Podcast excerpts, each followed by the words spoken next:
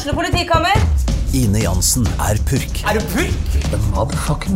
Alt jeg vil, er å finne ut hva som skjedde med mannen min. Jon Carew. Er jeg sikta for noe? Iben Akeli. Det er du.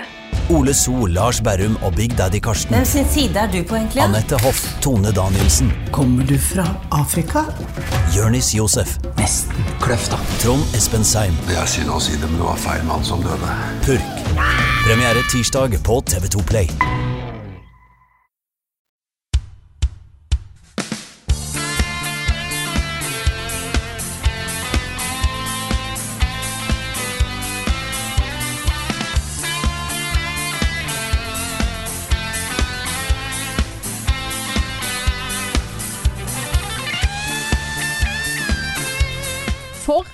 Første gang, tror jeg, i Level Backup-historien har vi to podkaster på rad som er spilt inn fysisk i samme rom. Det er helt utrolig. Du verden. Jeg heter Sjokkerende. Forrige uke så var det jo livepodkast på Eldorado. Og nå, for å liksom gå rolig tilbake inn derfra, så har vi eh, podkasten samla på, på Level Up-kontoret. Eh, Ja. ikke, han er jo live for oss, ikke live for deg. Nei, det er Vi, en vi, vi, har en, vi har én lytter live. det. lytter live. Sebastian sitter og klipper og jobber på PC-en der borte. Det stemmer. Dette er en myk overgang, sånn at folk kan bli vant til at vi går tilbake til det vanlige. Ikke sant? Absolutt, absolutt. Ja. Nei, jeg er jo i Oslo eh, for, uh, i anledningen at uh, vi var på standup-show med James Acaster i går. Det var så bra, det. Det var Det var så bra. Det var så gøy! Ja, Konseptet var jo Hecklers Welcome, heter, heter showet. Jeg lurer på hvordan av verden han har tenkt å klippe det sammen til en sånn Netflix-special. Altså. Ja, jeg er veldig Ja. spent på om han gjør det. Ja. Ja, jeg også. Fordi det var jo eh, et ganske sånn løst show. Litt Ja. fordi Hecklers var welcome. Så ble det mye snakk om dronninga. Fordi det skjedde jo en halvtime før han gikk på scenen. ja, Folk satt jo liksom og viste mobilene til hverandre i salen ikke sant? rett før han skulle på scenen. Jeg var veldig spent på hvordan det kom til å uh, uh, forplante seg, for dette er jo en britisk komiker. Mhm. Men eh, jeg syns at eh, han er flink på impro improvisasjon, altså. Ja, ekstremt. Jeg tror, jeg mistenker at han bare kom, igjen, kom gjennom halvparten av det han egentlig hadde av materiale. Ja, om det. Ja. Om det. Om det. Ja, men For det var jo dronningen pluss all heklinga og Ja, ja. Ja. Det, var, det var en egen spørsmål- og svarspalte Ja, slutten plutselig var det. Q&A. Ja, Ja. det føltes som en stream etter hvert. og, he- og hekling er da ikke det å sitte med hendene og lage, lage stoffting. sånn spinning wheel. Sånn spinning wheel. det er at han inviterte publikum Ja. til å liksom avbryte med hva som helst. Mm. Mm. Og Det var jo litt sånn opp og ned, men uh, mannen din var jo med, og han fikk jo til og med en, en pokal, altså en Ja. award, Ja, jeg Etter vant en showet. pris, ikke sant? faktisk. Ja. For god heckle. Yes. Det er bra, altså. Mm. Det er veldig bra. Veldig Stolt, bra. eh, stolt over den. Mm. Han, eh, han kunne Prisen var at han kunne photoshoppe sin egen, eh, sin egen pokal. Og det har han tenkt å gjøre, da. Ja, Ja, det, det bør han absolutt gjøre. Mm, -hmm. Absolutt. Det Nei, var en veldig veldig god jeg, heckle. jeg var jo veldig eh, spent på Vi skal ikke gå altfor mye inn i dette her showet vi har sett. Og, Men Jeg tror var- ikke det er helt kosher heller å liksom gjenfortelle showet, hvis Nei. du mener. Nei, Da- da nei, fordi jeg- da bruker man på hans materiale. Nettopp. Og da eh, skal jeg heller ikke gjøre, men jeg tenkte For jeg, jeg blir veldig sånn Jeg har vært på et show tidligere der det var noen som drev med hekling, og som da tok måte, komikeren litt ut av det, og da endte han opp med å droppe et segment av showet sitt. Og da ble jeg helt sånn FOMO! What? Ja. OK, Ja, krise! gikk vi glipp av nå? Ja, hva gikk vi glipp av? Og jeg hadde Jeg satt jeg var redd at det kom til å bli et veldig stort problem eh, på showet i går, og jeg satt og kjente på det litt innimellom, eh, men jeg har eh, Fordi at jeg, sånn, det er sånn hjernen min funker. Mm. Men jeg innser at eh, showet ble noe veldig spesielt. Ja, Ja. Vi, var, vi 500 som var i salen, det var selvfølgelig da en altfor liten sal, og billettene var altfor billige. Ja, var det noen som klagde på? Ja, noen som kommenterte. Ja. Men, men vi fikk en veldig unik opplevelse. Mm. Det føltes sånn hele veien. Jeg satt ordentlig og koste meg. Altså. Det Ja. fikk i hvert fall et bedre show enn Sverige. ja. Ja, Det er så morsomt. ass. Det er disse 500 mennesker som har fått akkurat dette showet. Ja. Det kommer aldri til å skje igjen. Nei, Nei. det er det. Så vi fikk en Ja, det er en veldig unik opplevelse. Ja, jeg, har sett, jeg har sett litt James James Acaster på Netflix og, og sånn. Mm. Dette her var mye morsommere enn alt han har gjort på Netflix. Men ja altså, jeg, jeg, jeg, jeg liker begge deler av ulike grunner. Nå Ja, skal ikke vi gå altfor mye inn på dette, her for det er en opplevelse som kun 500 personer har hatt, så jeg vil ikke at denne introen skal bli helt alien for, for, eller isolerende for alle andre. Mm. Eh, men det jeg vil si, hvis du ikke kjenner til James Acaster, ta og sjekk ut de fire spesialene han har på Netflix. De er Mm. fantastisk godt laga, og det er en serie med, med specials som er bare perfeksjon. Mm. Eh, han har en veldig stilig, ganske eksperimentell og ny, litt nyere type standup som jeg har veldig sansen for. Ja, det er en litt sånn counterculture-type standup. Mm. Som på en Mm. måte avkler, føler jeg, litt de der edgy standup-komikerne. Ja, Ja, jeg vil si det. Ja. absolutt. Men litt mer sånn Litt mer self-deprecating. Litt mer eh, det er noe ekte bak det han sier, det han snakker om. Mm. og det er veldig sansen for. Ja, jeg Litt føler sånn, det er ikke helt på Bo Burnham-nivå av self-aware og sånn meta. Nei, men det er elementer av det. Ja. det er samme skole, på en måte. Ja. Mm. Også, øh, Det er på en måte en, en retning innen standup-komikk som jeg føler er litt sånn, da. Mm. At de tar et oppgjør med de de har vært, og grunnene til at de ble standup-komikere og alt dette her, liksom. Mm. Uh, og endre litt kurs, Ja, rett og slett. Jeg setter veldig pris på det også. Det var en fan. utrolig bra opplevelse. kjempebra. Veldig glad for at jeg tok turen. Så er det jo positivt at vi kan bruke det til å spille inn denne anmeldelsen, her- nei, anmeldelsen i podkasten her samtidig. Eh, viktig å maksimere mengden content jeg lager mens jeg er i Oslo. Always the content. Altid. Content is queen. Oh, too soon.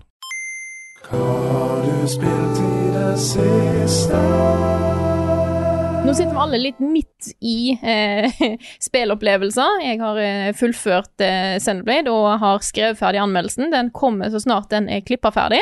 Mm. Eh, Rune, du er djupt inne i Destiny. Ja, også nå, nå tok jeg meg noen dager avspasering eh, denne uka her. og da, da var det å kose seg, da. Ja, det er Ja. viktig, da. Det er lov, det. Mm. Ja, men så er vi også litt midt mellom, fordi nå har det vært eh, ganske intens spilling med ting som har blitt anmeldt og, og sånt i ukene som har gått. Eh, og så er det liksom litt opphold da, før de neste tingene skal anmelde kommer. Mm. Så, um, så tok de sånn hvileskjær denne uka her. Så um, kan ikke si annet enn at det er utrolig gøy også å være tilbake på Dreadnought og spille Kingsfall, Mm. med da folk som har spilt Kingsfall fra Destiny 1. Det er kjempegøy gjensyn, også. Så, um, så det er kos.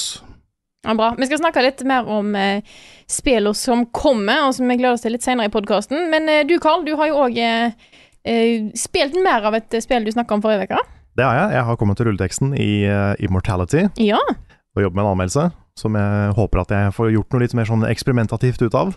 Jeg har noen ideer til den anmeldelsen som jeg håper blir gøy, uh, så vi får se. Men ehm, jeg har da kommet meg gjennom det. Jeg, ikke, jeg føler meg ikke ferdig med det, fordi det er jo alltid mer å finne. Alltid mer å grave i i dette videomaterialet som man får tilgang til i det spillet her. Ehm, jeg kommer til å si en del om det i anmeldelsen, men uh, dette er et spill som Hvis du er glad i Her Story, eller litt sånn der utradisjonelle, eksperimentative spill, så må man ikke gå glipp av det spillet her. Det er uh, veldig, veldig bra. Det kommer til å få en høy score av meg. Jeg ser eh, Jeg leser jo ikke anmeldelser mens jeg jobber med mine egne, men fordi internett så får man jo med seg liksom noen ting her og der. Mm. Og jeg har fått med meg at det er litt delt. At eh, noen er sånn Edge ga det jo ti av ti. Det var de Mm. første som anmeldte det. Mm. Um, det har fått ganske høye scores rundt omkring, og så er det noen som blir skuffa.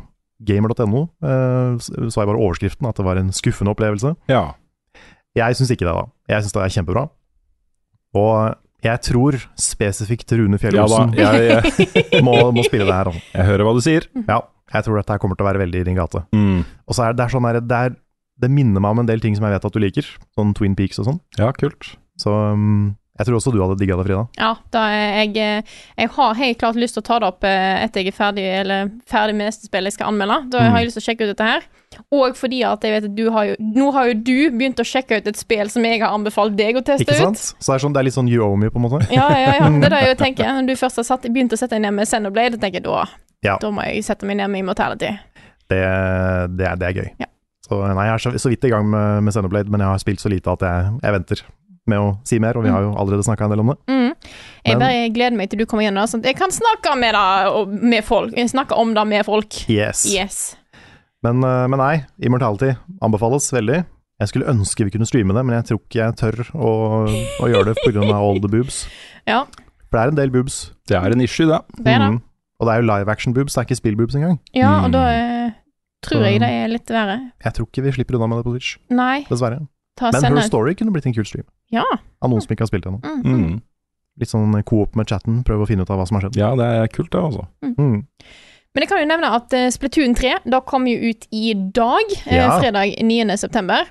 Eh, vi har fått eh, en kode. Den har vi sendt til eh, eh, del to av eh, Trøndelagsavdelingen. Jeg har sendt den til Leander. Eh, hvis jeg blir ferdig med Senderblade-anmeldelsen i grei tid, så blir det en dobbel anmeldelse fra oss. Eh, da håper jeg virkelig vi får til, for jeg tror det å ha gjort Å lage en anmeldelse med Leander tror jeg hadde vært dritkult. Mm. Han er så kreativ. Det hadde vært sjukt eh, gøy å være med på. Så jeg håper virkelig Jeg håper virkelig at jeg får tid til det. Det er spillet jeg kommer til å spille uansett. Jeg bare er usikker på når det eh, blir. Jeg må bare få klippa den der anmeldelsen som blir altfor lang. Ho, ho. Kortfilm. Hm? En kortfilm. Eller langfilm. Hva tenker du på anmeldelsen? Ja. Ja, den blir Ja, det er kanskje da. Ja, det blir nok lenger enn en kortfilm, tror jeg. Ja, Det- det altså Xenoblade, ja. Ja. Ja. Mm. Mm. Det eh, tror jeg nok. Jeg tror kanskje det blir den lengste jeg har lagd.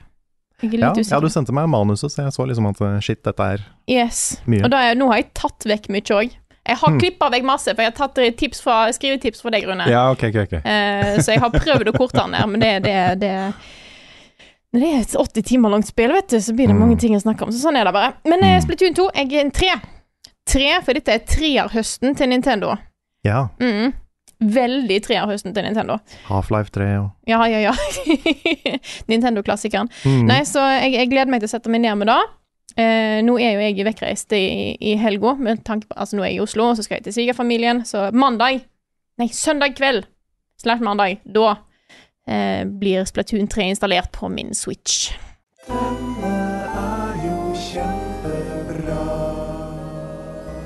Ukens anbefaling. Vi starter ukens anbefaling med et spørsmål. Jeg vet, det er helt sjokkerende. Eh, Patrick Sveum skriver Til ukens anbefaling har noen av dere sett For All Mankind på Apple Pluss. Hva syns dere i så fall? Enda en god serie som føyer seg inn i rekken hos den leverandøren. Farvel, Netflix. Og Rune, du har sett For All Mankind? Gjett om jeg har Jeg vet ikke om jeg er helt klar for å vinke farvel til Netflix ennå. Det er noen serier der jeg følger med på som er uh, good shit. Absolutt. Men uh, Apple TV Pluss har jo Severance, de har uh, um, Morning Show, Mm. de har denne serien her. De har mye bra, da. Ted Lasso, Ja. ikke sant? ja Altså, Severance og Ted Lasso er nok favorittene mine der foreløpig. ja, jeg er Mm. også fryktelig glad i The Morning Show. Også. Det er utrolig bra serie. Nå er jeg sjuk av forventning til neste sesong der. Men jeg fikk Egentlig ble litt mast på av en jeg spiller med, som heter Petter, som eh, eh, mente at For All Mankind er en serie for meg. Han hører også fast på podkasten og vet at hva jeg liker, ikke sant? Ja, ja. Så jeg begynte å se den, og ble hooked fra første episode, altså. Dette her er jo en serie som tar utgangspunkt i månelandingen, um, men hvor da Sovjetunionen lander først. Og det er den serien, ja! Ja. Ja, ja, ja. Ah. Så det er på en måte, den følger vår egen historie, eller særlig USAs historie, da, NASA, uh, men med en alternativ uh, gang. Så nå er det liksom eh, Ted Kennedy eh, blir eh, president, tar over etter Det er jo JFK? Jeg husker ikke. Nixon tar over etter Nixon. Mm -hmm. uh, og så kommer liksom Ronald Reagan i kulissene mot slutten av sesong én og sånne ting. Så de tar liksom for seg tiår for tiår. Så første sesong er jo mye 70-tallet, og så blir det 80-tallet andre sesong, og Reagan og sånt. Og så har det kommet til 90-tallet i sesong tre, ikke sant. Men hvor det hele tiden da uh, er en alternativ uh, historie. Og det som det betyr, da, at Sovjetunionen lander først på månen, er jo at da blir det jo et arms race i verdensrommet, ikke sant? En konkurranse om å komme lengst, gjøre mest, Mm. uh, få mest ut av månen, osv. Det kunne vært plott i Red Alert 4. Ikke sant? Og det er, det, er litt, det er litt sånn, da. Mm. Litt sånn callback til den kalde krigen og alle disse tingene her. Eh, men det er altså så fascinerende, fordi den, den er veldig autentisk. Mm. De bruker, Det er ikke noe sånn at de finner opp noen ny teknologi eller noen sånne ting. De bare bruker da på en måte den teknologien og den verden vi levde i, uh, som utgangspunkt for det, den historien her. Så det er både da et uh, kult tilbakeblikk på liksom sosiale situasjoner og politiske situasjoner og sånt på den tiden, men også en sånn utrolig spennende utforsking av verdensrommet. Mm. Først da ikke sånn månen, og så antar jeg Jeg har sett ferdig første sesong bare. Mm. Jeg antar at de kommer til å komme litt lenger da ut mot Mars og sånne ting ikke sant, etter Mm. hvert. Mm. Eh, er altså så fascinerende. Så virkelig, virkelig anbefalt, altså. The one place not corrupted by capitalism. Ikke sant? Nei, fader heller også. Dette her er, uh, dette her er uh, utrolig vanedannende. Jeg, blir, jeg, jeg er så hooked. Det er kjempebra, altså. Så um, ja, Særlig de scenene hvor de er på månen og sånn, liksom. Og har bygd base og rusler rundt der og er de første Mm. som har gått der og, og sånne ting. Det er utrolig, utrolig, utrolig kult, altså. Det, det er fett med månebaser. ja, Det er det. ja. Så um, For All Mankind, Apple TV Pluss, anbefales veldig, altså. Det er en kjempeserie.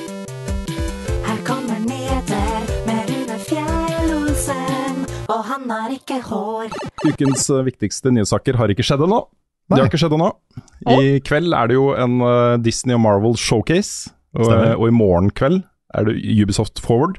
Ja, stemmer da. Mm, så det kommer til å komme en del ganske saftige nyheter uh, gjennom helgen, men det har jo da kommet ut litt rykter og sånt som det går an å rapportere om nå. Så får vi se da om det stemmer. Um, ryktet er i hvert fall for kvelden, Disney og Marvel, at eh, Amy Hennigs nye Marvel-spill eh, skal bli vist fram. Eh, og det skal da ifølge ryktene være eh, lagt til andre verdenskrig, med da Captain America og Black Panther som hode, hovedpersoner.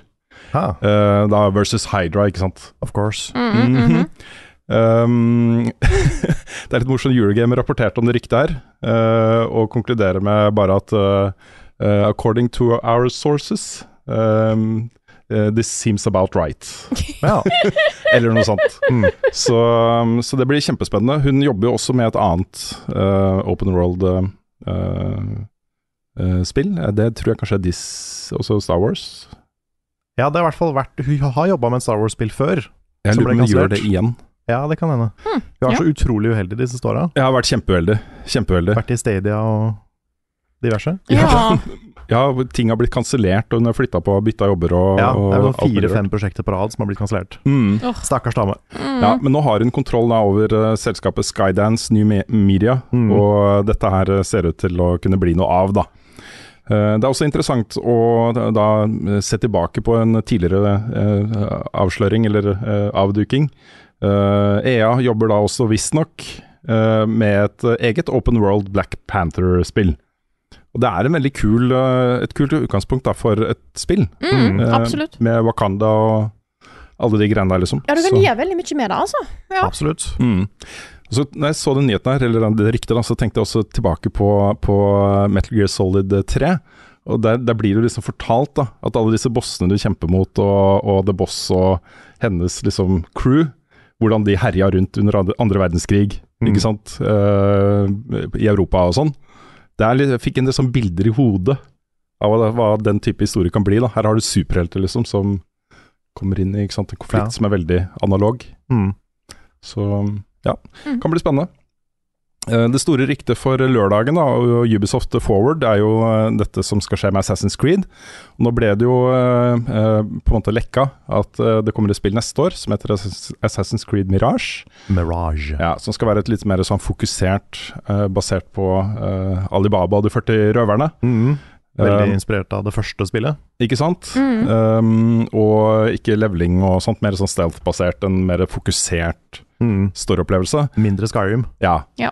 Men de har visstnok noe annet på gang, fordi nå har det jo vært øh, denne trilogien med Origin, øh, Odyssey, Valhalla. Det Mhm. virker litt som om de prøver altså Det er det de skal gjøre nå, da. For de kommer med den her Assassin's Creed øh, service-tingen. Infinity hubben. eller noe sånt. Ja, stemmer. Ja. Hvor de skal legge nytt innhold. Og ifølge ryktet, da, så vil de presentere to nye spill som skal inn i den huben. Det ene skal da visstnok foregå i Japan. Mm. Eh, hvor du ser en sånn eh, kvinnelig, det er sikkert også mannlig, men en kvinnelig eh, sånn ninja, samurai, et eller annet. Ikke sant? Assassin. Eh, mens det andre skal foregå under heksejakten i Europa på 1500-tallet. Ja. Og skal da visstnok bli det mørkeste Assassin's Creed-spillet til nå. Det, med det utgangspunktet så kan man jo tenke, tenke det. Mm. Uh, så, så det høres ut som to gode settinger, da. Hekser med sånne sombrero. det er veldig mye intern James Å, oh, her unnskyld. Men ja, um, ja. men ja, Ja, jeg la, jeg la ut en uh, twittermelding om det. jeg så det. Jeg så det. Ja, som jeg bare sånn, Det var bare ment for de som var der, egentlig. Mm. Uh, så de 500 som var der. Vi er en veldig eksklusiv klubb akkurat nå. Ja. Ikke sant? Mm. Ikke sant? Jeg Men, Beklager, eh, men Japan har jo folk bedt om i årevis. Så de, jeg føler at de liksom bare tikker bokser nå. Ja. Sånn, eh, dette vil folk ha, dette vil folk ha. Ikke sant? Akkurat den heksejakta har jeg ikke hørt før. Nei. At det har vært en ønska ting. Men eh, det er en Nei, interessant men da jeg hørte det, så ble jeg sånn Ja, Ja, det er kult. ikke sant? Uh, og så da skal de også visstnok eh, jobbe med et mobilspill lagt i Kina. Det fins vel allerede et mobilspill i Kina? Gjør det det? Assassin's Creed? Ja, Hvis ikke det var 3DS eller noe sånt, men det var, jeg tror det var mobil. Okay. Ellers så er det det eneste vi vet de skal vise fram, er jo um, Mario and Rabbids, er det ikke det? Jo, Jo. det kommer jo snart. Ja, Mm. Pluss da Skull and Bones, som også kommer i høst. Uh, det er sikkert noen andre greier de har uh, opp ermet, tenker jeg nå. Regner med det. Mm. Jeg eh, får jo ikke sett den uh, live, jeg er hos uh, svigerfamilien da, men hvis da skulle, av en eller annen rar grunn, komme litt Rayman, så får noen rope litt ekstra for min del. Da ringer vi deg. Ja, Ja. gjør det. Mm. Da, da krever jeg nesten Hva var det vi gjorde det med? Vi satt og fulgte en eller annen pressekonferanse på Nei, natta. det var da vi bikka, bikka 15 15 000 på Patron. Ja, det var det. Da ringte dere meg. Da ringte vi Frida. Ja, det stemmer det. Mm. Men all right. Har dere eh, ikke gjort oss, jeg er blitt sint, så det ja. Eh, Det har også vært en showcase fra CD Project Red i uka som har gått, hvor de har vist fram, eller i hvert fall snakka om, da. De viste jo det de viste fra den, var ikke så mye. Men det kommer da en expansion til Cyberpunk 2077 som heter Phantom Liberty. Som blir beskrevet som en, en eh, spionthriller. Ja. uh, I en, eh, en, en ny del av eh, denne byen her. Uh, men hvor du også da vil eh, møte igjen, da. Keanu Reeves. Ja, Keanu Reeves Ja. og Johnny Silverhand. Mm, Eh, pluss da vi, din rollefigur fra originalspillet. riktig. Um, de uh, sier jo da også at de fortsetter å jobbe på uh, Cyberpunk 2077. Uh, det vil komme oppdateringer og patcher og sånt. Nå legger du inn Edge Runners, som er denne Netflix-TV-serien, Mm. content i spillet. Og så skal de også bare jobbe, jobbe med det.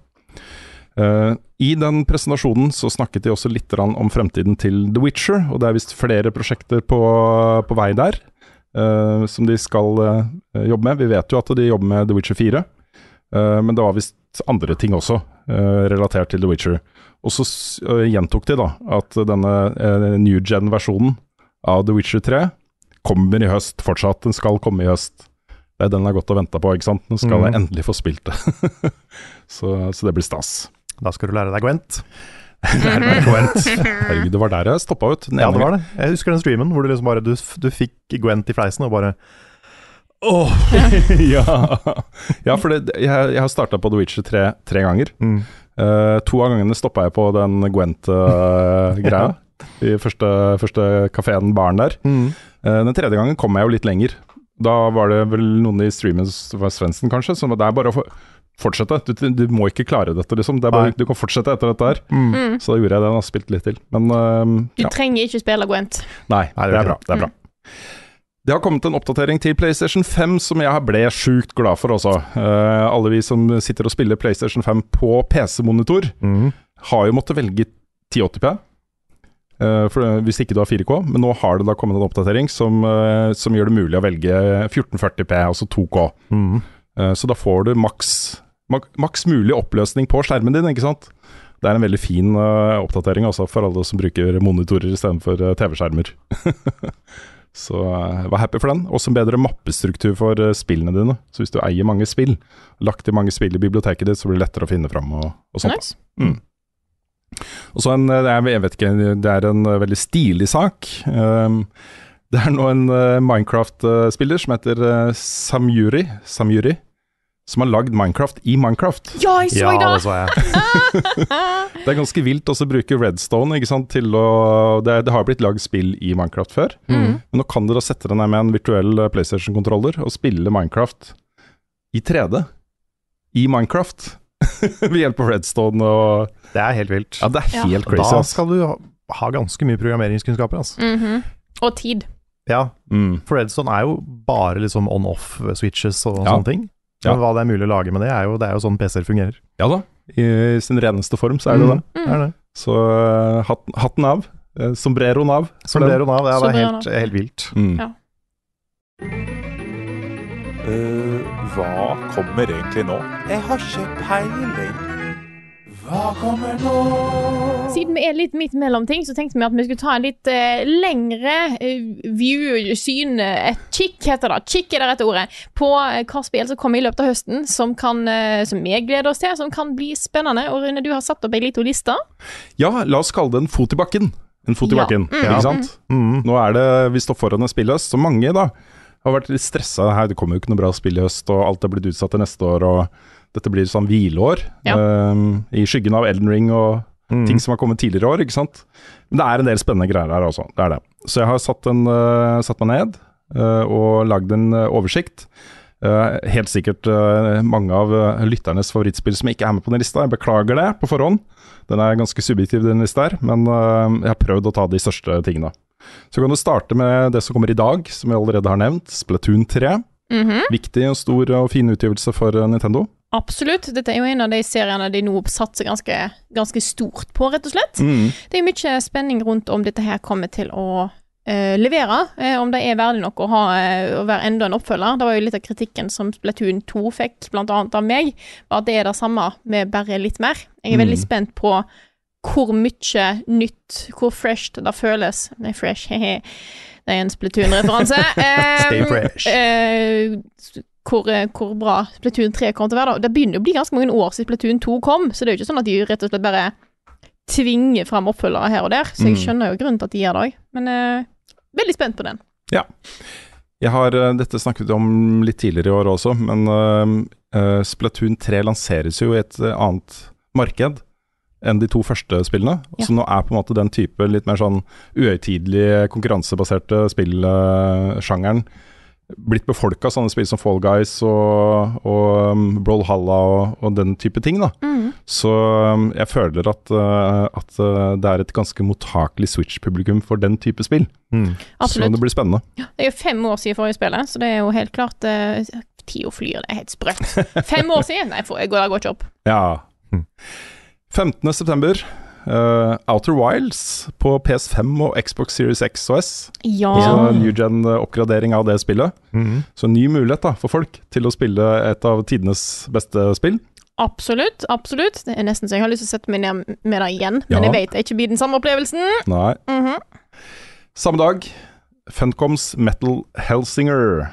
Ja. Ja. Ut av Early Access og sånn. Ut av Early Access og alt mulig rart, eller var det en demo mer som var ute? Ja, det kan stemme. Ja, Mm. Svendsen uh, var jo veldig glad i det. Han var det. Mm. jeg gleder meg også til å spille. Så det her blir spennende. 19.9. Return to Monkey Island. Det også er jo et spill det står tre streker under for, for meg. Ja. Veldig glad i de tidligere spillene i denne serien. Det er, jeg, jeg føler liksom spill med det trenger den type humor også. Mm. Det er spill jeg har sett mye av. Jeg har ikke spilt det gjennom sjøl. Åh, det er nydelig. Det er nydelig. Det er så mange sånne der, uh, utrolig gode um, sketsjer, på en måte. Uh, det, det er liksom sketsjer, the game. Ja. det er jo gullalderen til eh, point and click adventure-spill. Ja, ja.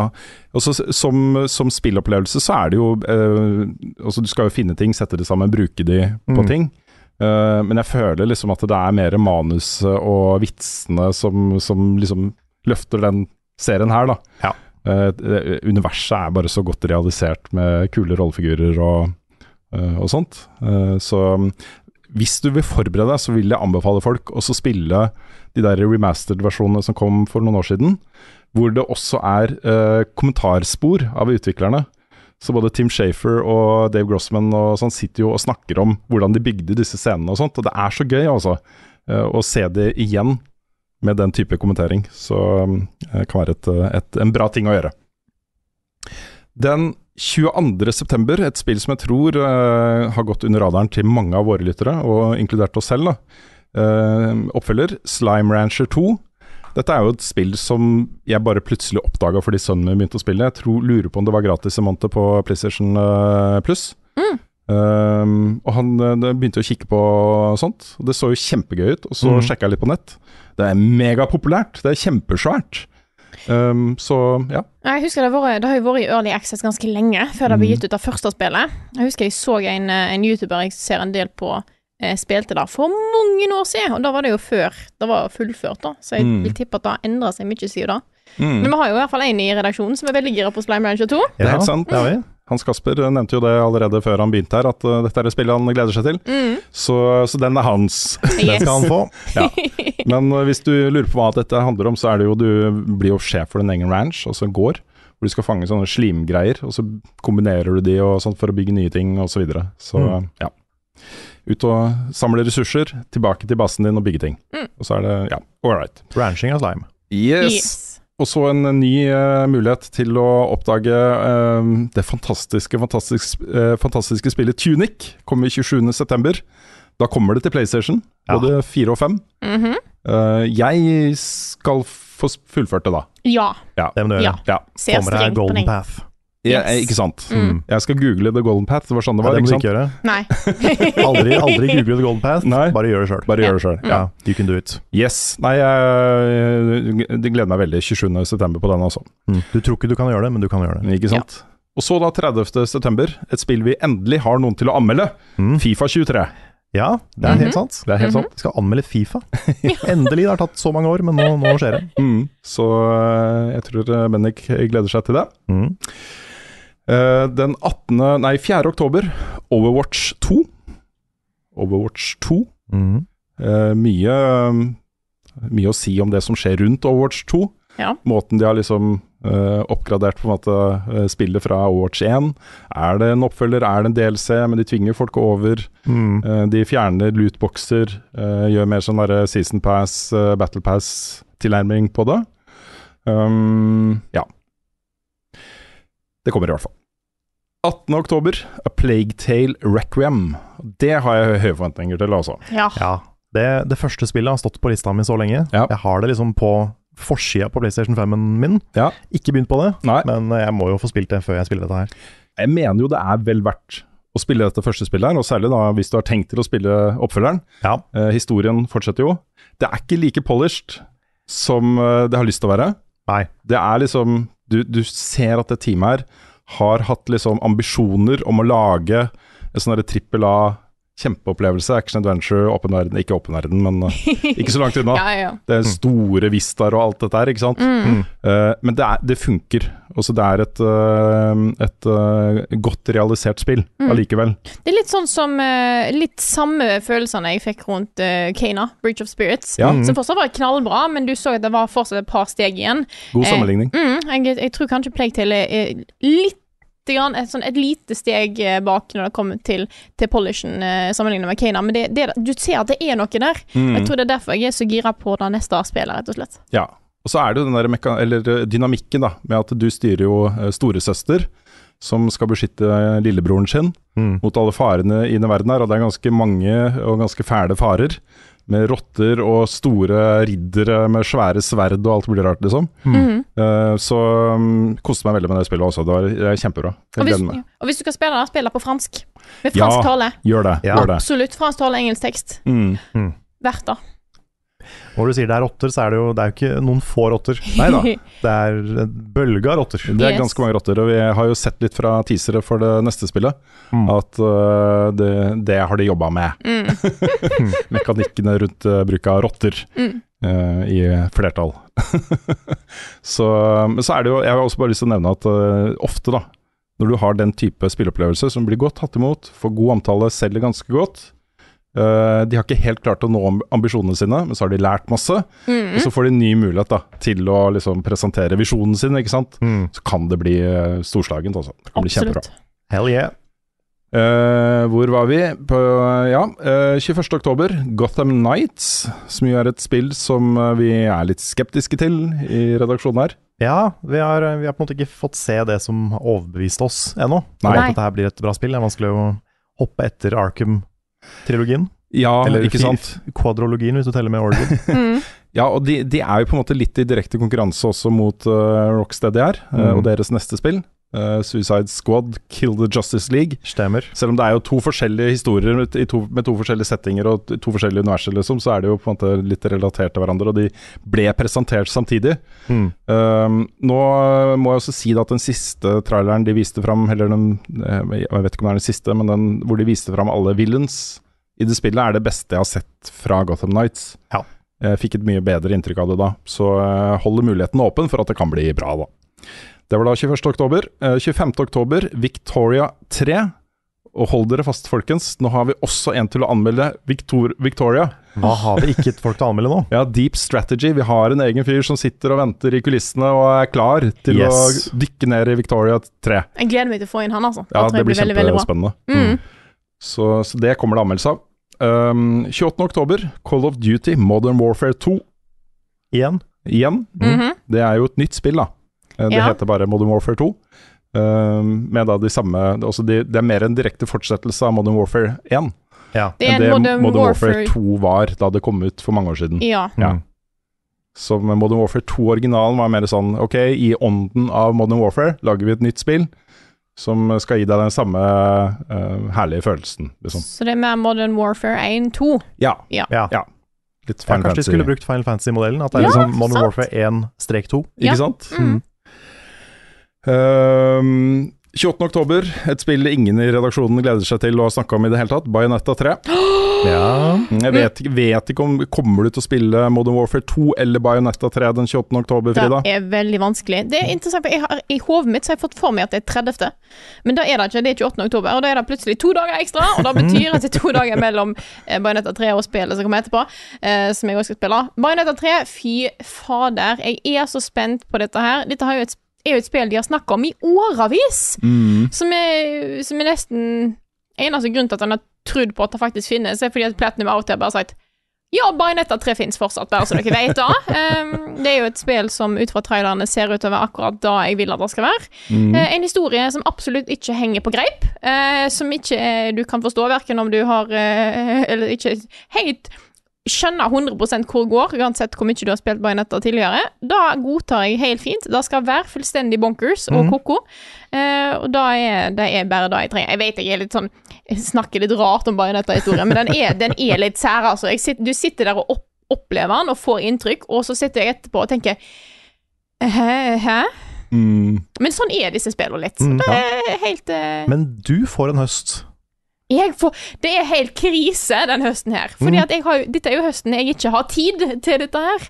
Eh, så det er liksom Alle disse her Alle spillene som jeg har lyst til å spille, kommer denne høsten her. Ja, det gjør det. Gjerne samtidig i samme veka. Mm. Eh, så det er, det er helt ekstremt. Med tre storspill fra Nintendo i deres eh, mange av deres store sjangre. Altså både nå Xenoblade Chronicles 3, Splatoon 3 og Bajonetta 3. Nei, det er helt koko. Jeg skjønner ikke. Det, det blir ikke tid til alt, det blir det ikke. Men jeg eh, skal gjøre et eh, Jeg skal gjøre et ærlig forsøk, god damn it. Ja, Ja. det kommer jo enda flere Frida-spill òg, når vi kommer videre i eh, lista her. Yes. Ja, du sa 30. oktober. Hva er det du mener da? For Nei. det- Jeg trodde at Bajonetta 3 kom 30. oktober, okay. men det gjør det ikke. Det kommer 28., Ja, og det er bra. Fordi da er det litt mer tid fram til spillet som kommer uka etterpå. ja som er Sonic Forces kommer ikke da i Ja, starten det- av november. Sonic Frontiers. Frontiers, ja, det, ja, det, er 8. november. Vi Ja. kommer til det. Vi Yes, kommer til det. Men jeg innser også at, vi har, at jeg glemte å ta med Mario pluss Rabbits Sparks Ja. of Hope Ja, 20. oktober. 20. Okay, oktober. ja, 20. ja. oktober. Det gleder jeg meg til. Mm. Det første var veldig bra. Vi er på eh, november. Uh, vi har eh, hele tre spill som kommer 8. november, og ett spill som kommer 9. november, som alle er liksom ganske svært. mhm. Ja. Eh, Football Manager 2023, 8. november. Mulig at det også blir et eh, Bendik-oppdrag. Mm. Mm. 8. november da også, Sonic Frontiers. Sonic Frontiers. Så de har nettopp sluppet temalåta, som er en annen enn den jeg sendte deg. Å, er det det? ja, ja, for de har de, har- de begynte å slippe masse musikk. Den jeg sendte deg, var jo helt eh, knall. Nå har de sluppet faktisk theme-låta Ja, okay, til Sonic den, Frontiers. første, det første du sendte, det var Credits-sangen. Ja, jeg, kanskje noe sånt. Jeg er litt Mm. forvirra. Men nå er det faktisk temelåta. Okay. Det er faen meg den mest Sonic-greien jeg har sett i mitt Ja, liv. herlig. Og så har de gått Det er liksom Det er av en eller annen grunn veldig sint metal-aktig lignende greie. Mm. Og så en tekst som ikke henger på greip. Ok. Ja. Ja, for jeg fikk meg opp på den credit-sangen, så Ja. er det jo sensurert litt av teksten. Ja. Fordi originalteksten er 'Fuck the pain away', og det er litt for mye for en Sonic-sang. Ja. Ja, Så det er, nå er det 'Fight the pain away'. Mm. ja nettopp. Men uh, her er det jeg, jeg vet, Er det egentlig en låt som er skrevet for noe annet, som de har adapta? Jeg tror det. Ja. Ellers så skrev de den for Sonic, men hadde med 'Fuck the pain away'. Det er Ja. også morsomt. Ja. Men denne her tror jeg faktisk er skrevet for Sonic Frontiers, for de snakker om front, New front, Frontiers og Ja, Div. ok. Mm. uh, så det er på en måte eh, Det føles som en veldig Sonic-låt, selv om ikke er helt på Crush 40-nivå. Eh, anbefaler å sjekke den ut. Jeg skal vise den til deg etterpå, Carl. Det er Ja, det er en flott, flott låt. Herlig. Jeg er uironisk glad i Sonic-musikk, altså. Ja, jeg også. Sånn, altså. Det er mye av det er sånn puddelrock, Ja. men det er, det er catchy, bra puddelrock. Ja, ja, Mm. altså jeg kan høre mye på Sonic, til og med liksom uh, Infinite Team og greier. Ja, ja, ja. Koser meg. Tallest of mountains, roughest of waves. Yes. Så jeg, men eh, vi kan jo snakke litt om sjølve spillet. Eh, jo mer de viser, jo mer eh, positiv blir jeg. Da må jeg innrømme. Mm. Eh, Jeg er litt usikker på de, for de har vist en del fra de minibanene. De er det cyberspace de kaller det. mm. Og hittil så har jeg kjent igjen level-designet fra de gamle spilla. Yes, jeg har sett diskusjoner om dette på internett, for det er Mhm. mye det samme, det er mye som går igjen, og, og eh, hypotesene til folk er at dette skal, er en slags sånn minneportal-ting, sånn at da, da at de har henta level-design fra tidligere spill, er gjort med vilje. Men jeg vet ikke om det er Copiumet som snakker, eller om det er Nei, fordi de gjorde det samme i Generations, men der hadde de jo nye levels. Ja. Så eh, jeg håper ikke det er en unnskyldning for å liksom bare bruke det de har fra før. Nei. Fordi hvis de bare har copy-pasta det inn, så er det litt, eh, litt dårlig. Vi får se hvordan det faktisk blir brukt. Det er Mm. vanskelig å, å, å gå, komme med full eh, judgment eh, nå, men uh, absolutt eh, eh, Sånn som jeg sa, det, blir, eh, det blir nok overraskende i en eller andre retningen. Det gjør det nok. Ja.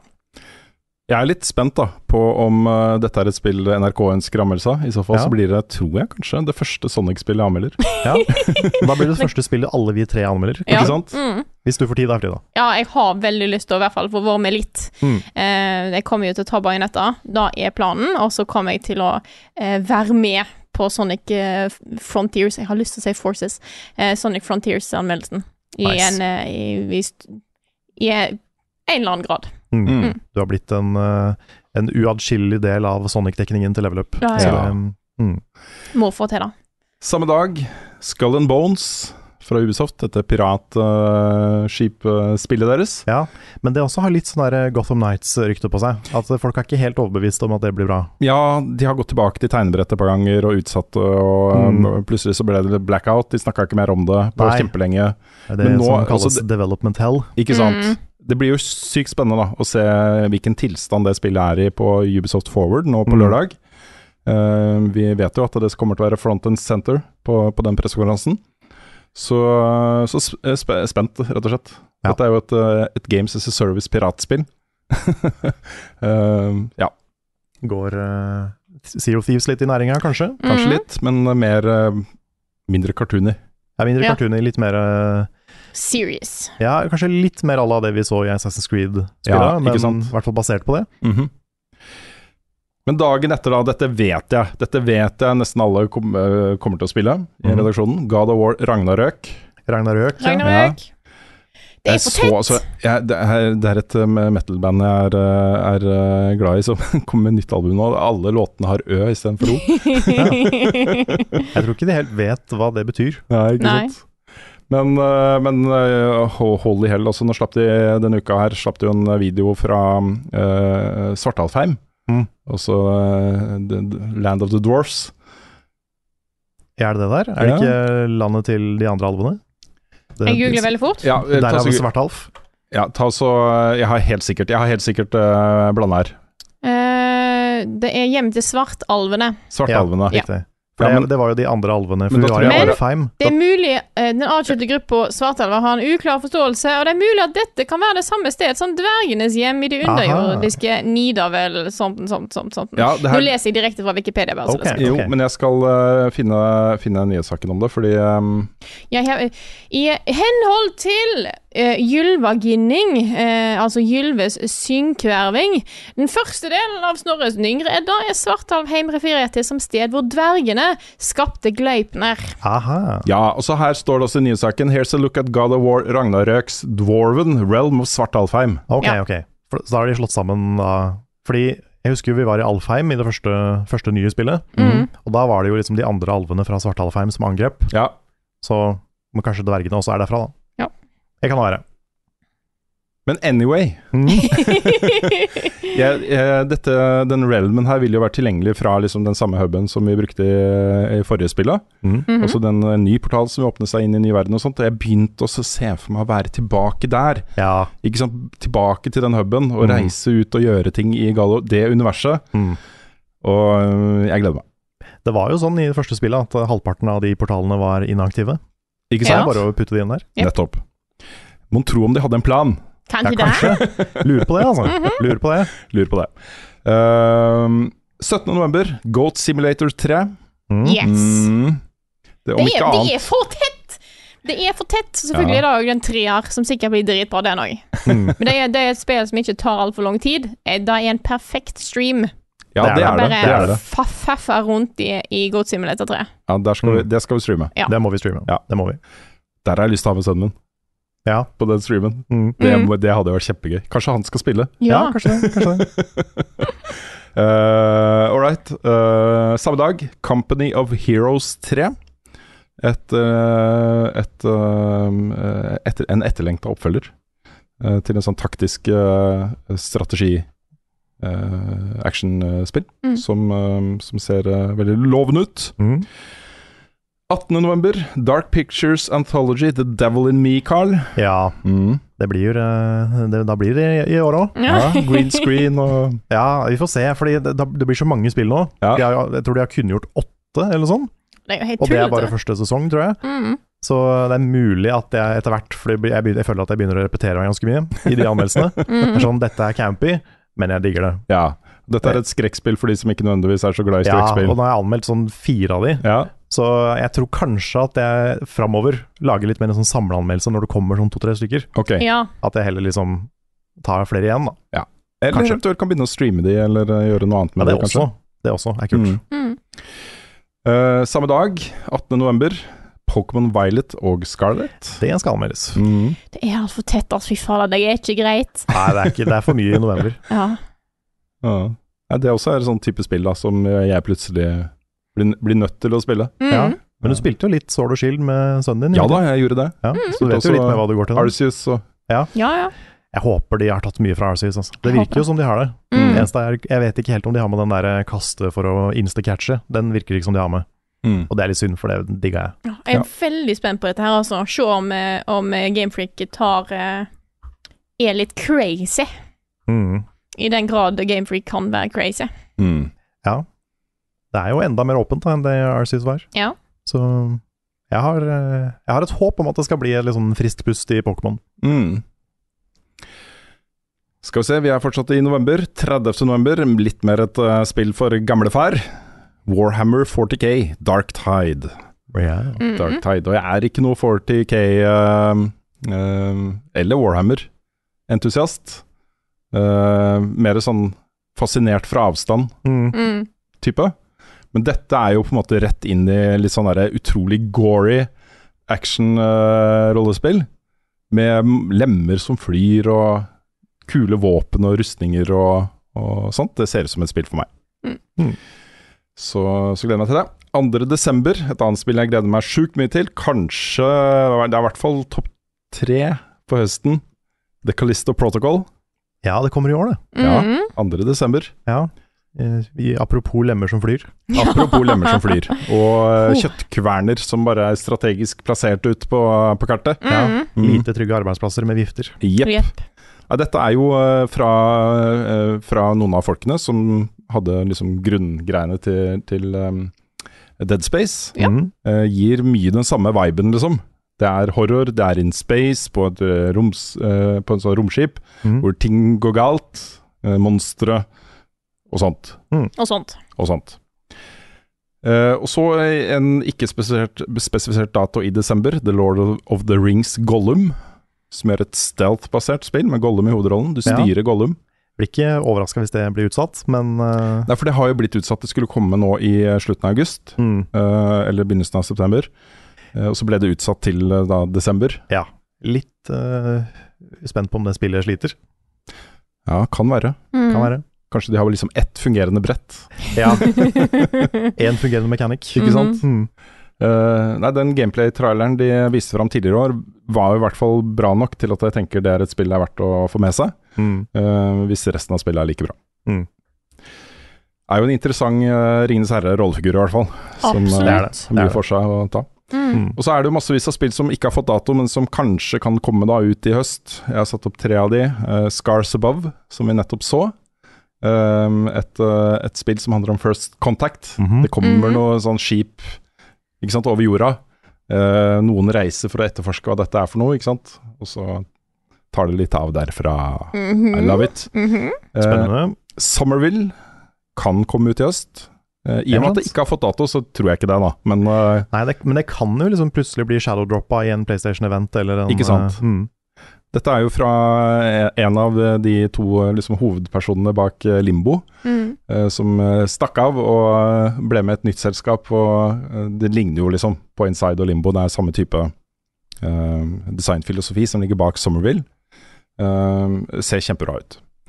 Og så et annet spill som jeg heller ikke tror kommer i år. Uh, ganske sikker på at det ikke kommer i år, men det kan hende at det kanskje gjør det. Dustborn fra Red Thread. Ragnar Tørnquist og eh, co. Mm. Um, de, jeg tror de sa i fjor at det skulle komme i 2022. Det er derfor det fortsatt står på 2022-lista, men jeg har ikke fått noen oppdatering på hvor langt de har kommet. Så jeg vet ikke. Mm. Er det noe dere kommer på som jeg har glemt, som dere har lyst til å ta med? Jeg tror ikke det. Nei. Nei. Men vi får sikkert mye kommentarer om hva vi har glemt. Det er det er det bare å komme, Ja. så sjekk ut kommentarene. Mm, det, det, det kan hende at det dukker opp ting der som vi ikke har tenkt på. Det er nok å glede seg til. Jepp. Hva er dines best, hvordan fredag sist? Har Carl egentlig sopp? Ukens spørsmål. Vi setter i gang spørsmålsspalten med et spørsmål om spørsmål. Eh, det er fra Jon Hilmar som spør Kan en spørre om andre ting enn gaming eller kulturrelatert. Kan jeg liksom spørre om hva farge dere har på tannkosten, eksempel? Å ja, det kan dere. Min er blå. Ja, jeg, er ikke noe, jeg har ikke tenkt igjennom det, men jeg Nei. kjøper alltid grønn eller blå. Du gjør det? Ja. Mm.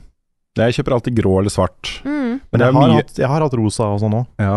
Jeg har en familie hvor det er fire tannbørster, ikke sant. Ja. Ja. Så jeg må kon være litt konsekvent, Mm. sånn at jeg ikke risikerer da å kjøpe en, en farge som noen av de andre bruker. Ja. For de står jo bare ved siden av hverandre, i de koppene på veggen, ikke sant. Nei, men har eh, Jeg har jo eh, Jeg har jo ofte, når jeg har bare hatt vanlig tanker, så har jeg ofte kjøpt lilla.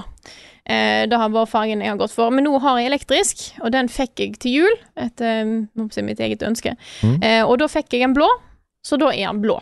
Ja. Mm. Så eh, For ingen av dere er sånne sjuke folk som deler tannbørste med kjæreste og mann og sånn? Det har Nei. jeg ikke gjort. Nei. Nei, det er bra. Jeg har en sønn som heller ville eh, la være å pusse tennene enn å bruke noen andres eh, sin Ja, men der er jeg jo. Ja, samme her. Det er en personlig ting. Fingeren, Ja. Mm. Da måtte jeg gå, for jeg har glemt å ta med tannkost på reise. Ja. Mhm. Så vet dere da. Eh, vi kan ta neste spørsmål her. Fra Jon Magnus Restad, som spør For oss som sliter litt med å gi, glipp, gi slipp på sommeren og prøve å sette en positiv spen, eh, spinn Herregud, hva er det i dag? Går det helt, eh, går det En helt positiv spen. Sette et positivt spinn på veien videre. Hva er deres favoritting med høsten? Slippe å svette uansett hva man gjør. Temperaturen Ja. Ja. er favorittingen min med høsten, fordi du kan, ha, du kan komfortabelt ha på deg hettegenser, ja. Mm. og det er perfekt. Jeg vil mye heller fryse litt enn å svette og være varm og sånn, altså. Mm. Så Mm. nei, jeg er superhappy med de dagene her. Bare sånn Yes, jeg kan gå ut og ta på meg en genser! og det, det, er, det er greit, liksom. Mm. Det er kjempebra. Jeg er skapt for denne temperaturen. Mm, samme her. Jeg er veldig glad i fargene.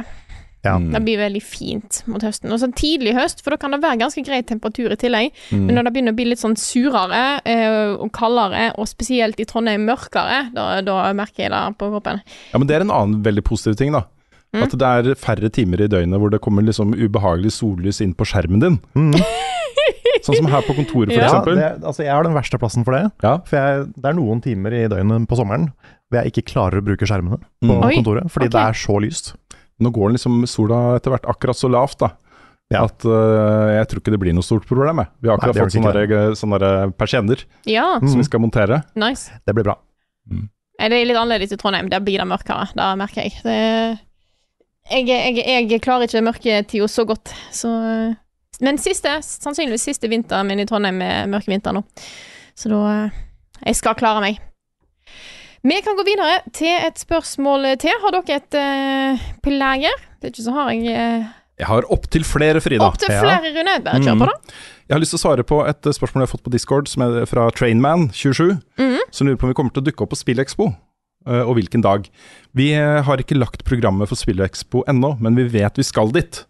Fordi vi har jo planer nå sammen med uh, Good Game mm øh, om å gjøre ting der oppe. Så vi kommer til å være til stede på et eller annet vis. Kanskje til og med det blir et eller annet slags form for show um, en eller flere av dagene på en scene der oppe. For deg som ikke husker dette, når er Spillekspo? Det er fra 11. til 13. november Ja. på Norges varemesse i eh, Lillestrøm. Så, så det blir noe, i hvert fall. Det gjør det. Mm. det, gjør det. Hvis jeg skal gjette, så vil jeg gjette lørdag. Men ikke, ikke, ikke sett alle pengene dine på at det blir lørdag, siden vi ikke har helt bestemt det ennå, bare så dere vet i dag. Nettopp, Mm. nettopp. Mm. Karl, har du et spørsmål? Ukens Sin 4. Jon Taco Cato fylte nylig 50 år og feiret i godt lag. Rune, du blir faktisk 50 år neste år. Hvilken type feiring ser du for deg at det blir? Blir Kojima invitert? Kommer Doom-skjorten til å være på? Oh, ja. Ja, Det det var fra Trond Sinfor Borgersen, Mm, selvfølgelig. Mm, Borgersen. Mhm. Ja, nei, men det med Doom-T-skjorte er jo et bra innspill da, til uh, antrekk for kvelden. Mhm. Nei, også jeg, um, jeg ble jo veldig inspirert av det Jon Cato gjorde. Det var ut, en utrolig hyggelig kveld, Mhm. med masse bra folk og uhøytidelig og skikkelig god stemning. Jeg mingla mer enn én gang. Ikke sant? det er big for me. Ja, Mm. uh, ja og det, ja, det var en bra fest, rett og slett. Mm. Som uh, ikke Altså, jeg har liksom følelsen av at 50-årslag ofte er liksom litt stivt, da. Eh, men når jeg så den festen, så var jeg sånn Dette kunne jeg tenke meg. Mm. Så Ja, det var ikke stivt. Nei. Nei. Og det kan hende at det blir en slags eh, repeat, da, for vi har jo også veldig godt forhold til eh, Tilt. Det har vi. Jeg hadde jo elleveårsdagen til dattera mi, ble jo feira på Tilt oh! før det åpna. Det var akkurat samme type fest som Jon Cato. Akkurat Ja. samme type fest. Yes. Mm. Uh, nei, men det, det, det var helt herlig også. Det er sånn man kan gjøre da når man er uh, kompiser med de som driver stedet, ikke sant. Mm. Så jeg har kjent eh, Kjell Gunnar i mange, mange år, også Gjøran uh, kjenner jeg godt. Så, um, eh, så der fikk de jo liksom alle utdelt, og de fikk hele stedet for seg selv. Og fikk utdelt så mange, eh, så mange sånne skjetonger som de trengte da, Mm. for de to timene de var der. Så det var jo en helt herlig, herlig, herlig bursdag, da. Så, Til, kidsa di- til, til dattera di, sant? Ja. mm, -hmm. så øh, det var hele trinnet, også begge klassene. Hele oh. trinnet. Alle. Wow. Så det var kjempegøy. Så, øh, så det blir nok kanskje noe lignende, tenker jeg da. Um, hvor folk kan gjøre ting hvis de vil, men det er ikke noe krav. Bare markere det uh, på en måte. For jeg har ikke hatt 40-årslag. Jeg hadde ikke 30-årslag. Uh, det er vel de to store som jeg har hatt tidligere. Uh, jeg føler at det er ikke det samme å fylle 20, liksom. Nei. Men 50 er jo den store, da. Det er Mm. liksom Ja, du er halvveis til 100 Diamantbursdag. diamantbursdag. Du er fortsatt eh, ung til sinns, Ja, Absolutt. så det blir nok noe sånt. Mm.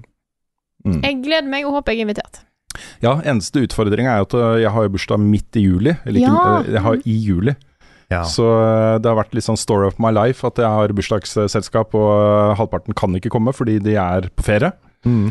Så det er mulig at det blir heller sånn slutten av august Nei, august, slutten av juni eller noe sånt. Mm. Ja. For å sørge for at det ikke er kolli- kolliderer med ferieplanene til folk. Mm. Så ja. Nå har jeg begynt å glede meg litt. Ja, men det blir, det blir ålreit. Mm. Hunden sitter og står og stirrer på meg. Hun tror hun skal få flere tyggepinner, men jeg har ikke flere tyggepinner. Det er ikke mer. Det er Å tomt. nei. Du tygget akkurat opp din siste for dagen, da. Det er ikke lett å være fanet. Så blunker hun. Ja. Ja. Jeg skjønte ikke noe av det du sa nå. Det var tyggepinne et sted inni der. Ja, det var det. det, var det. Og da burde det dukke opp en. Mm. Eh, Vi tar et spørsmål til her fra Mr. J1, som spør hvorfor streamer dere ikke mer? Når dere skal anmelde et spill, spiller dere som regel gjennom hele spillet. Hadde det ikke vært en idé å dobbeltdippe speltida og streame deler av gjennomspillingen? Mm. Og Dette tar vi rett og slett fordi dette er et spørsmål som Eller en kommentar som dukker opp eh, flere ganger, og tenkte det er greit at vi forteller litt om, om våre tanker rundt dette her, da. Mm. For, eh, For, ja. det, ja, for det er noen som spør om hvorfor streamer dere ikke spillet dere anmelder. Uh, og det er ett veldig enkelt svar på det. Det er det at eh, når man streamer, så er man i en helt annen mindset enn når man skal anmelde et spill. Mm. Mm. Da fokuserer man på chatten, man fokuserer på underholdet, man fokuserer på at det er et publikum, det skal være en bra, bra stream. Mhm. Da sitter man ikke og vurderer spillet på den samme måten. Nei. Så det er en dårlig kombo. Men det vi har gjort et par ganger, og som, eh, som eh, i hvert fall jeg kommer til å gjøre mye mer av, det er i de tilfellene hvor vi får spill tidlig, og du har runda det, du har kanskje til og med publisert anmeldelsen din på embargo. Ofte så er streaming-embargoen den samme som eh, det å kunne publisere en anmeldelse, Mm. men kanskje du bare får lov til å streame starten, ikke sant, et eller annet da. Mm. Jeg tenkte på det med The Last of Us, part 1, for da satt jeg liksom på embargoen. Mm. Eh, anmeldelsen min kom ut på NRK. Sånn, vet du, hvis kontoret mitt hadde vært ferdig, hvis jeg hadde fått opp de der eh, lyddempende platene på veggen, så hadde jeg bare kjørt en stream. For da, da kjenner jeg spillet, så kan jeg spille starten og snakke litt om eh, hva jeg syns og sånne ting eh, på stream. Uh, og det har jeg lyst til å gjøre mer av, sånn med Elden Ring og, og den type Mm. ting, da, som er store og som vi har kjenner godt og har spilt og lagd anmeldelse av.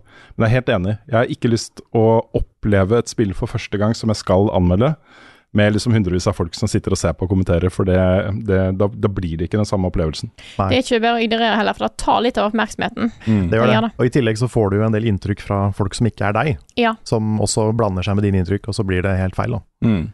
Men, øh, men vi har jo lyst til å streame mer, det sier vi alltid. Og det, det er litt av greia at det blir på en måte Vi har alltid en to do-liste som er ganske lang.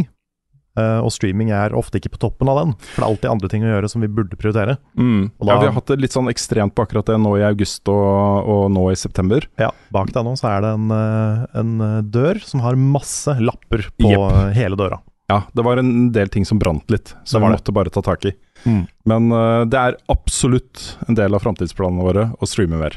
Det er det. Så, så det er det bare å glede seg til. Mm. Svendsen fikk dessverre covid. Han hadde tenkt å streame litt denne uka her. Ja. Ja. Så han har slitt med korona. Kan også nevne, Jeg kan vel ikke si akkurat hva det er, men vi har sagt ja til å være med på et eh, veldig veldig kult eh, norsk streamingkonsept som kommer seinere i år. Mm. Um, det tror jeg blir gøy. Det kommer veldig gøy. Mm. Kan bli spennende. Har du et eh, spørsmål, Cal? Carl? Nei, jeg tok mitt. Ja. Rune, har du et ekstra?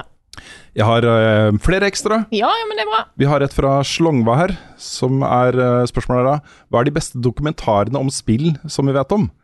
Mener du da klipp, serier, filmer, YouTube-kanaler, og kunne, vært inter kunne eh, vi vært interessert i å lage noe sånt selv? Uh, artig at du spør. Ja. det kan hende. Det kan Men, eh, men jeg, vi, vi kommer jo ikke unna no- Noclip. Nei. De er altså så gode. det, noe av det beste jeg har sett av det, det er uh, Noclip sin Final Fantasy 14-dokumentar. Ja, den er som handler om uh, The Rise and Fall and Rise. Eller The Fall and Rise, er det vel Ja. Ja. Men uh, den er, den, det er en treparter, tror jeg. Mm. Den er utrolig bra. Utrolig bra. Hvis markedet for den type innhold hadde vært større på norsk Altså, jeg, jeg må innrømme at jeg er litt misunnelig på Noclip. Mm. At de kan sitte og pusle med sånne svære dokumentarkonsepter.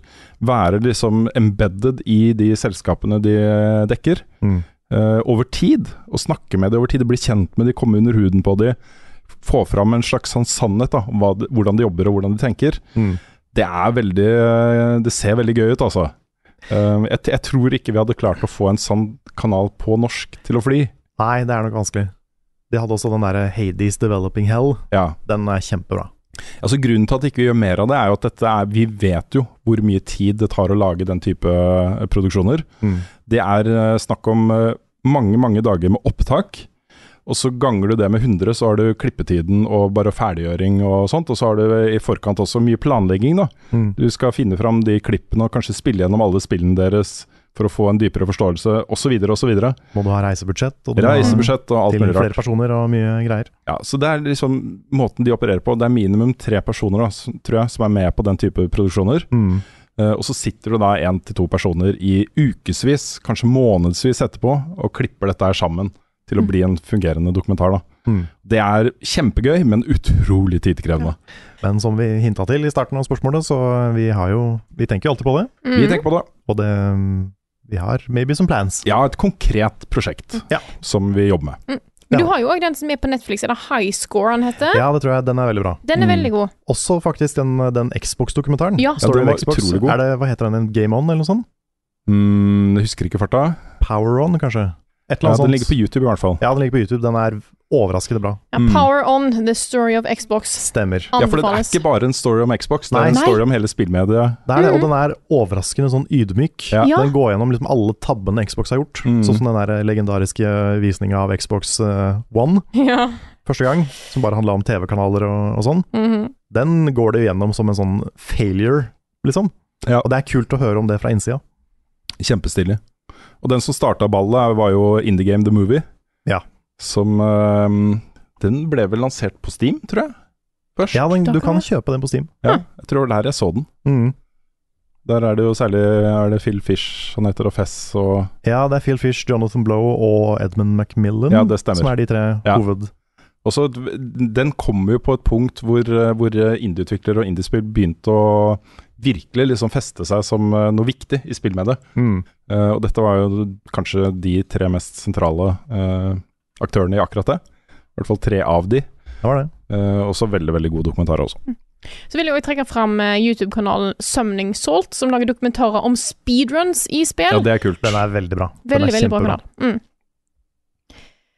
Skal jeg ta et spørsmål til her? Ja. Mm. Mhm. Vi har fått en fra Freddy S, eller dollartegn, som spør ikke akkurat nerdespørsmål, men kanskje litt gøy likevel.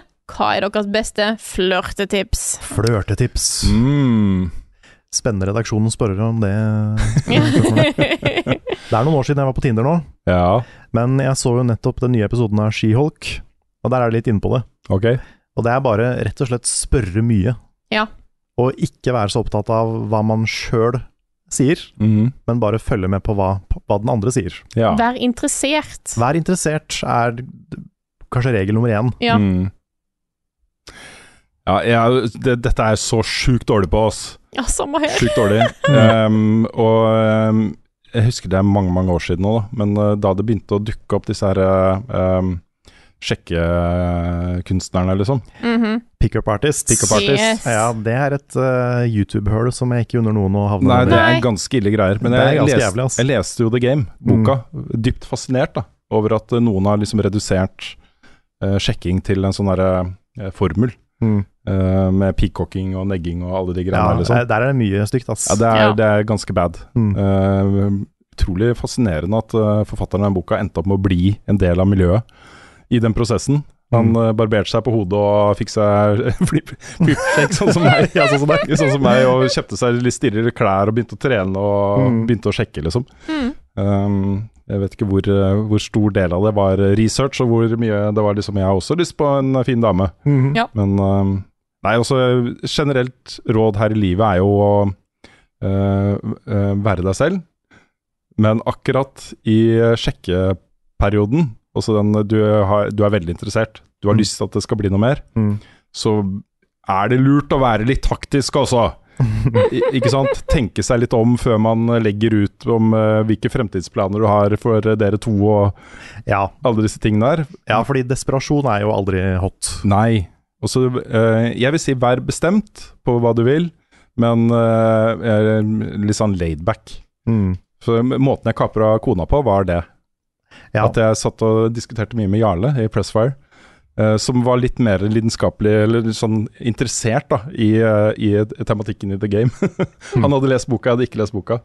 Men han uh, ga meg en del sånne råd. Som jeg, det, ble, det var ikke snakk om peacocking og negging og sånne ting. Mm. Mer den derre ikke, ikke blottlegg for mye, liksom. Vær bestemt, men Mm. ikke, ikke legg press. Nei. Nei, jeg, jeg tenkte veldig mye på dette her mens jeg var singel. Ja. Eh, Jeg har vært gjennom mange faser uh, av singel i livet mitt. Mm. Og jeg har jo, føler jeg har liksom funnet fram til noe som funker bedre enn det jeg gjorde før. Mm. Før så var jeg sånn, eh, nesten sånn Ikke bare nesten, jeg var sånn beklagende når jeg skulle tilstå følelser for noen. Jeg er sånn, Sorry, altså, men nå, nå, nå, nå er jeg blitt forelska, altså. Ja. Ja, det funker ikke. Nei. Det, det var hvis jeg gikk på sånn videregående. Mm. Så det kan jeg ikke anbefale. Nei. Ikke legg fram følelsene dine som et problem. Nei. Det funker veldig dårlig. Men, eh, men ja, være litt chill. Vær selv, chill. Også, selv om det er chill. vanskelig, så Ja. vær chill. Vær chill. Det er kanskje tips nummer én. Mm. Um, og finn ting ved deg sjøl som er interessant. Og så er det Mm. mange som tenker at «Ja, men jeg har ikke noe som er interessant med meg. Det er bare tull. Du har noe. Mm. Alle har noe som er spennende. Ja. Og prøv å fokusere på ting som Altså positive ting. Ikke Mm. bånd over ting du hater. Bånd over ting du er glad i. Ja. Ting du bryr deg om. Ting som gjør deg engasjert. Mhm. Fordi engasjement smitter, og det gjelder også nerdeting. Ja. Så ikke tenk at liksom, ja, men det er et problem at jeg er nerd. Fordi hvis, hvis det at du er nerd betyr at du er engasjert, Mm. så kan det være ganske hot. Ja. Mm. Engasjement kan smitte og være veldig positivt. ja, det er sant, det. Så, så liksom len deg inn i den sida av, av the passion, Mm. Ja. så, så er det ganske bra. Og ha litt sjøltillit. Fordi det går på Ja. det samme, ikke unnskylder for følelser. Bare ha litt, eh, vær litt uh, Dette er jo det vanskeligste, men sjøltillit er, er sexy, da, altså. Så Mm. går det an å late som. For Ja, du- du, du trenger egentlig bare å late som i et par-tre måneder. Ja. ja, fordi den der fake it till you make it, det høres kynisk og kjipt ut, Ja. men det er noe i det. Mm. Det at i i hvert fall selvtillit og liksom det å være trygg på seg sjøl og hvem, de, hvem du er og sånn, Mm. det kan være viktig. Mm. Selv om du ikke egentlig er det, så kan det være viktig å i hvert fall utstråle at du har noe du er trygg på. Da. Og så for våre kvinnelige lyttere, nå kan du eh, bekrefte eller avkrefte om dette er et godt råd, eh, Frida. Ja, jeg sitter og lytter Men nå. jeg fikk eh, Det tror jeg var en standup-komiker, jeg husker ikke helt hvem, hvor jeg hørte det tipset her. Men tipset er bare 'keep the crazy in the box for the first three months'. Ja. Mm. Fra, fra hvem sin side av måtte At damene skal liksom ikke være Ja. Ja. Jeg vet ikke, jeg hvor mye mer galskap vi har enn menn, og nødvendigvis, men det, det Nei, jeg tror det er ganske mye crazy overalt. Men, men um, jeg hadde et tips til, og så ble det borte. Så go on. Ja. Nei, jeg har jo vært utrolig lite Jeg har gjort veldig lite sånne ting. Jeg har vel egentlig aldri vært på, på sjekkeren, liksom. Ting har bare naturlig skjedd. Uh, så jeg har ikke noe veldig sånn erfaring på tips, men, men uh, helt klart den Og det er et godt tips generelt i livet. Bare vær Når du har samtaler med andre, vær interessert. Mm. Uh, og det er en ting som jeg har uh, sittet og tenker mye på sjøl, og på en måte den aktivt lyttebiten, og ikke bare sitte og tenke på hva skal jeg svare neste gang, på en måte. Mm. Det er en Det er et mindset å ha. Jeg var jo helt forferdelig på de tingene her i 20-åra, Uh, så jeg har lyst til å bare nevne også at, uh, at uh, dette med å på en måte eh, finne noen du kan bli kjæreste med og sånt, det handler vel så mye om deg selv også. Det handler om eh, hvor trygg du er på deg selv, hvor eh, eh, godt du har det i din egen kropp og din egen hjerne. Mm. Um, hvor eh, godt du trives med å være deg selv. Um, og for de fleste, og jeg sier ikke at dette er en sånn generell eh, lov eller re regel, men for mange tror jeg da, når man er ferdig med liksom den verste 'hvem er jeg'-perioden, eh, og kommer ut på andre siden med en bedre forståelse av hvem man er, så har liksom den kjærestetingen også kjæreste og de tingene der har liksom en tendens til å ordne seg selv, da. Fordi du er tryggere på deg selv og hvem du er, ikke sant. Mm. Det skjedde i hvert fall veldig med meg, da. Ja. Og så tror jeg ikke folk er Altså, folk er jo ikke for Alle folk er ikke kjempeoverfladiske, men vi har en, vi har en grad av det alle sammen. Eh, forfengelighet. Eh, på det punktet at det er lettere å, eh, å bli interessert i noen hvis de har en, en generell grad av hygiene. Ja, eh, hygiene og, er viktig. ja, eh, og bare at de på en måte eh, kler seg OK. Mm. For det, ofte så er det ikke nødvendigvis Hvis, hvis det er dårlig, så får en et veldig dårlig inntrykk fra start, og da er det ikke sikkert det går noen vei. Så generell en, ikke, en, Du skal ikke være liksom hyperfiksert på utseende og sånne ting, men bare ha en viss forståelse av hva det er å, eh, å ta seg greit ut. Mm. Det er veldig sant. er- ja. Og hvis man skal ut på Tinder, eller en av de andre sjekkeappene, vær forberedt på å lære å takle avslag. Og det er vanskelig. Mm. Det, det er ganske vondt de første gangene. Ja. Uh, veldig ofte. Det er ikke, ikke bare de første gangene, er det, ofte, det er ofte kjipt. Men det er så mye av det. Det er veldig mange dates som bare er én date. Mm. Det er veldig mange uh, korte forhold eller flings eller whatever som ikke varer lenge. Sånn er det. Når, uh, kanskje spesielt med Tinder-kultur, da. Mm. Fordi da har du den, der, den hele fuckings menyen av mennesker som du hele tida blir eksponert for. Mm. Og da er det liksom enda vanskeligere kanskje å settle med noen. Mm. Mm. Så, det er, og så er jo de Tinder-appene og sånn, de er jo liksom lagd for at du ikke skal settle, for da mister jo Tinder kunder. ja, Og det er jo et sant, poeng, da. da. Så det faktisk, jeg merka det da jeg ble sammen med kjæresten min, at liksom, jeg har aldri fått så mye push fra Tinder. Mm. Fått utrolig mange matcher etter at jeg slutta å sjekke Tinder jevnlig. Ah. Så det, det er algoritmer der som styrer det. ja. Så det er også verdt å være litt oppmerksom på. Dodgy. Mm. Ikke sjokkert egentlig i det hele tatt, må jeg innrømme, men uh... Så du, får, du kommer til å få utrolig mye oppmerksomhet så fort du finner noen. Så Mm. du finner noen. det er akkurat som sånne forsikringsselskap og sånt. Ja. I dag du skifter, så er det sånn 'Vi har så mye tilbud, du skulle bare visst!' Ja, nå, nå Ja. du kommet tilbake hit. ja. ja. Bli singel. Mm. Det, det, det her er et relatert tips, da. Ja. For nå går rentene opp på Mm. boliglån. Ja. Um, du kan spare ganske mange tusen i året på å, eh, om ikke annet, i hvert fall bare si du har tenkt å skifte bank. Det er, det er mulig å forhandle på de lånerentene. Mm. De har litt å gå på der. Mm. Mm. Så hvis du, hvis du ikke gjør det, hvis ikke du sier fra at du vil ha lavere rente til banken din, eh, eller, bytte, eller sier at du skal bytte til en bank med lavere rente, så er det nesten, det er nesten litt dumt, altså. Jeg vet det er mange som bare lar det surre og gå, liksom, men det er lurt. Det er lurt å følge med på renta di på, Mm. på lånet. Du kan spare sjukt mye penger på det. Mm. Takk for meg. Kjempebra flørtetips her på slutten, altså. Oh, yes. Har du et siste, runde, Eller så tar vi runde av for i dag? Jeg har lyst til å avslutte på en litt annen eh, Ja. vibe. Ja. Ja. Mm. Eh, jeg har et spørsmål fra Windy493, som spør da Når tror dere telefonen blir så kraftig at det kan kjøre større spill som Elden Ring eller Destiny 2? Vi er jo pinadø nesten der, da. Vi er det, Ja. så du kan jo kjøre Elden Ring på den der Steam-switchen, Ja, ja, ja. ja, ja. holdt på å si. Hva Ja. heter den? Steam Deck. Steam Steam Deck. Deck. De, de er, også Smarttelefoner nå er så vilt kraftige, og de kjører ting som er fullt 3D, og som ligner på eh, både PC og konsollspill. Mm. Mye av grunnen til det er at skjermen er mye mindre, så du trenger liksom ikke den 4K-oppløsninga for at det skal se sjukt bra ut. da. Så det kan være 1080P på en telefon, det er helt greit, liksom. Mm. Uh, og det, det, vi er på en måte litt allerede der, uh, og det er i hvert fall ikke lenge til at vi er helt der. Det er sant. Så, og da har du uh, Det er allerede millioner av mennesker rundt omkring i verden som har mobiltelefon som sin uh, primære spillplattform.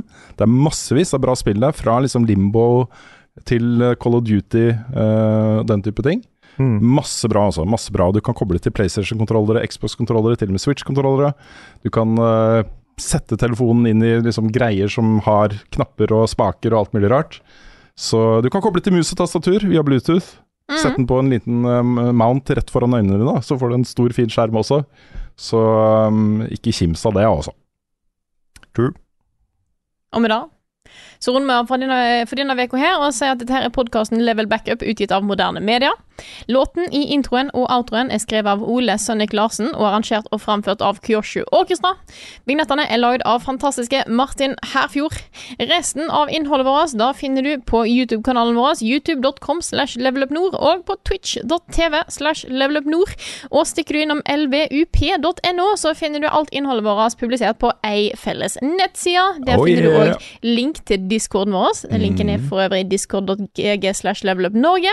Der ligger det link til merch-shoppen vår, som òg er levelupnorge.myspreadshop.no. Og du finner òg Twitter-feedene våre samla der. Så det er hvis du kun vil se eh, tweets fra meg, Rune og Carl, så er det lvup.no som er plassen for det. Våre grove hottakes. mm -hmm. Absolutt, absolutt. Vi har eh, absolutt eh, hva, hva var det som var setningen her? Vi kunne absolutt ikke klart oss uten våre Patreon-backere, eh, så hvis du har lyst til å støtte oss, så er det bare å gå inn på patreon.com slash levelupnorge og støtte med det beløpet du har lyst til eller mulighet til der. Uten dere så kunne vi ikke gjort noe ting, faktisk. Eh, Da hadde vi bare ligget på en sofa og drukket, drukket fløyte. Så da mm. Det er viktigere enn noen gang også, Ja. vil jeg si. Fordi nå har vi jo gjort en betydelig økt eh, satsing Mm. det siste året. Eh, vi bruker mye mer penger enn vi gjorde før. Det er flere folk som jobber med innhold. Vi har lyst til å etablere oss på et høyere nivå. Vi har studio, vi har eh, fire arbeidsstasjoner. Det er mye, da. Mm. Um, jeg kan bare si rett ut at hadde det ikke vært for Patron-inntektene, så eh, hadde det sett ganske stygt ut for oss nå. Um, Det så, så det er sjukt viktig også. Og det, vi, vi tror jo at det vil ta eh, Om det noen gang skjer, jeg vet ikke om det skjer.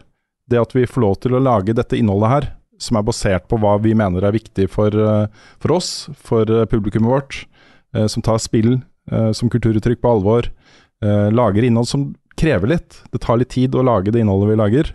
Eh, vi løper ikke etter liksom eh, clickbait og de hotte takesa og, og prøver å liksom fange folks interesse på uærlig vis. Nei. Uetisk vis. Nei, Mm. Ikke sant? Det, det, er, det er, nok sånn at, uh, at det ikke er mulig å tjene vilt mye penger på det uten å ha på en måte den støtten i ryggen. Så vi setter utrolig stor pris på det, og uh, håper støtten fortsetter da, i årene framover. Og hvis du har lyst til å se kontoret vårt, så er det bare til å stikke inn på YouTube-kanalen vår. Der ligger det nå en video med en omvisning av eh, hele oppsettet både her og på hjemmekontorene til oss tre. Det gjør Så det. hvis ikke du har sett den, eh, ta en kikk der. En veldig fin video.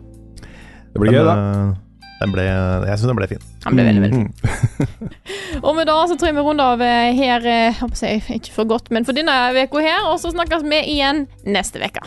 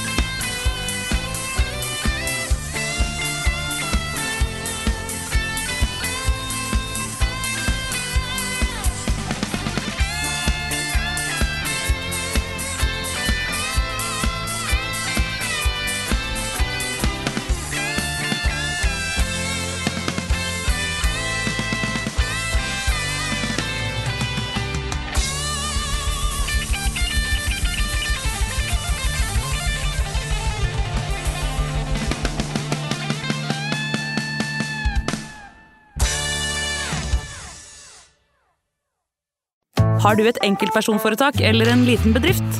Da er du sikkert lei av å høre meg snakke om hvor enkelt det er med kvitteringer og bilag i fiken, så vi eh, gir oss her, vi. Fordi vi liker enkelt. Fiken superenkelt regnskap.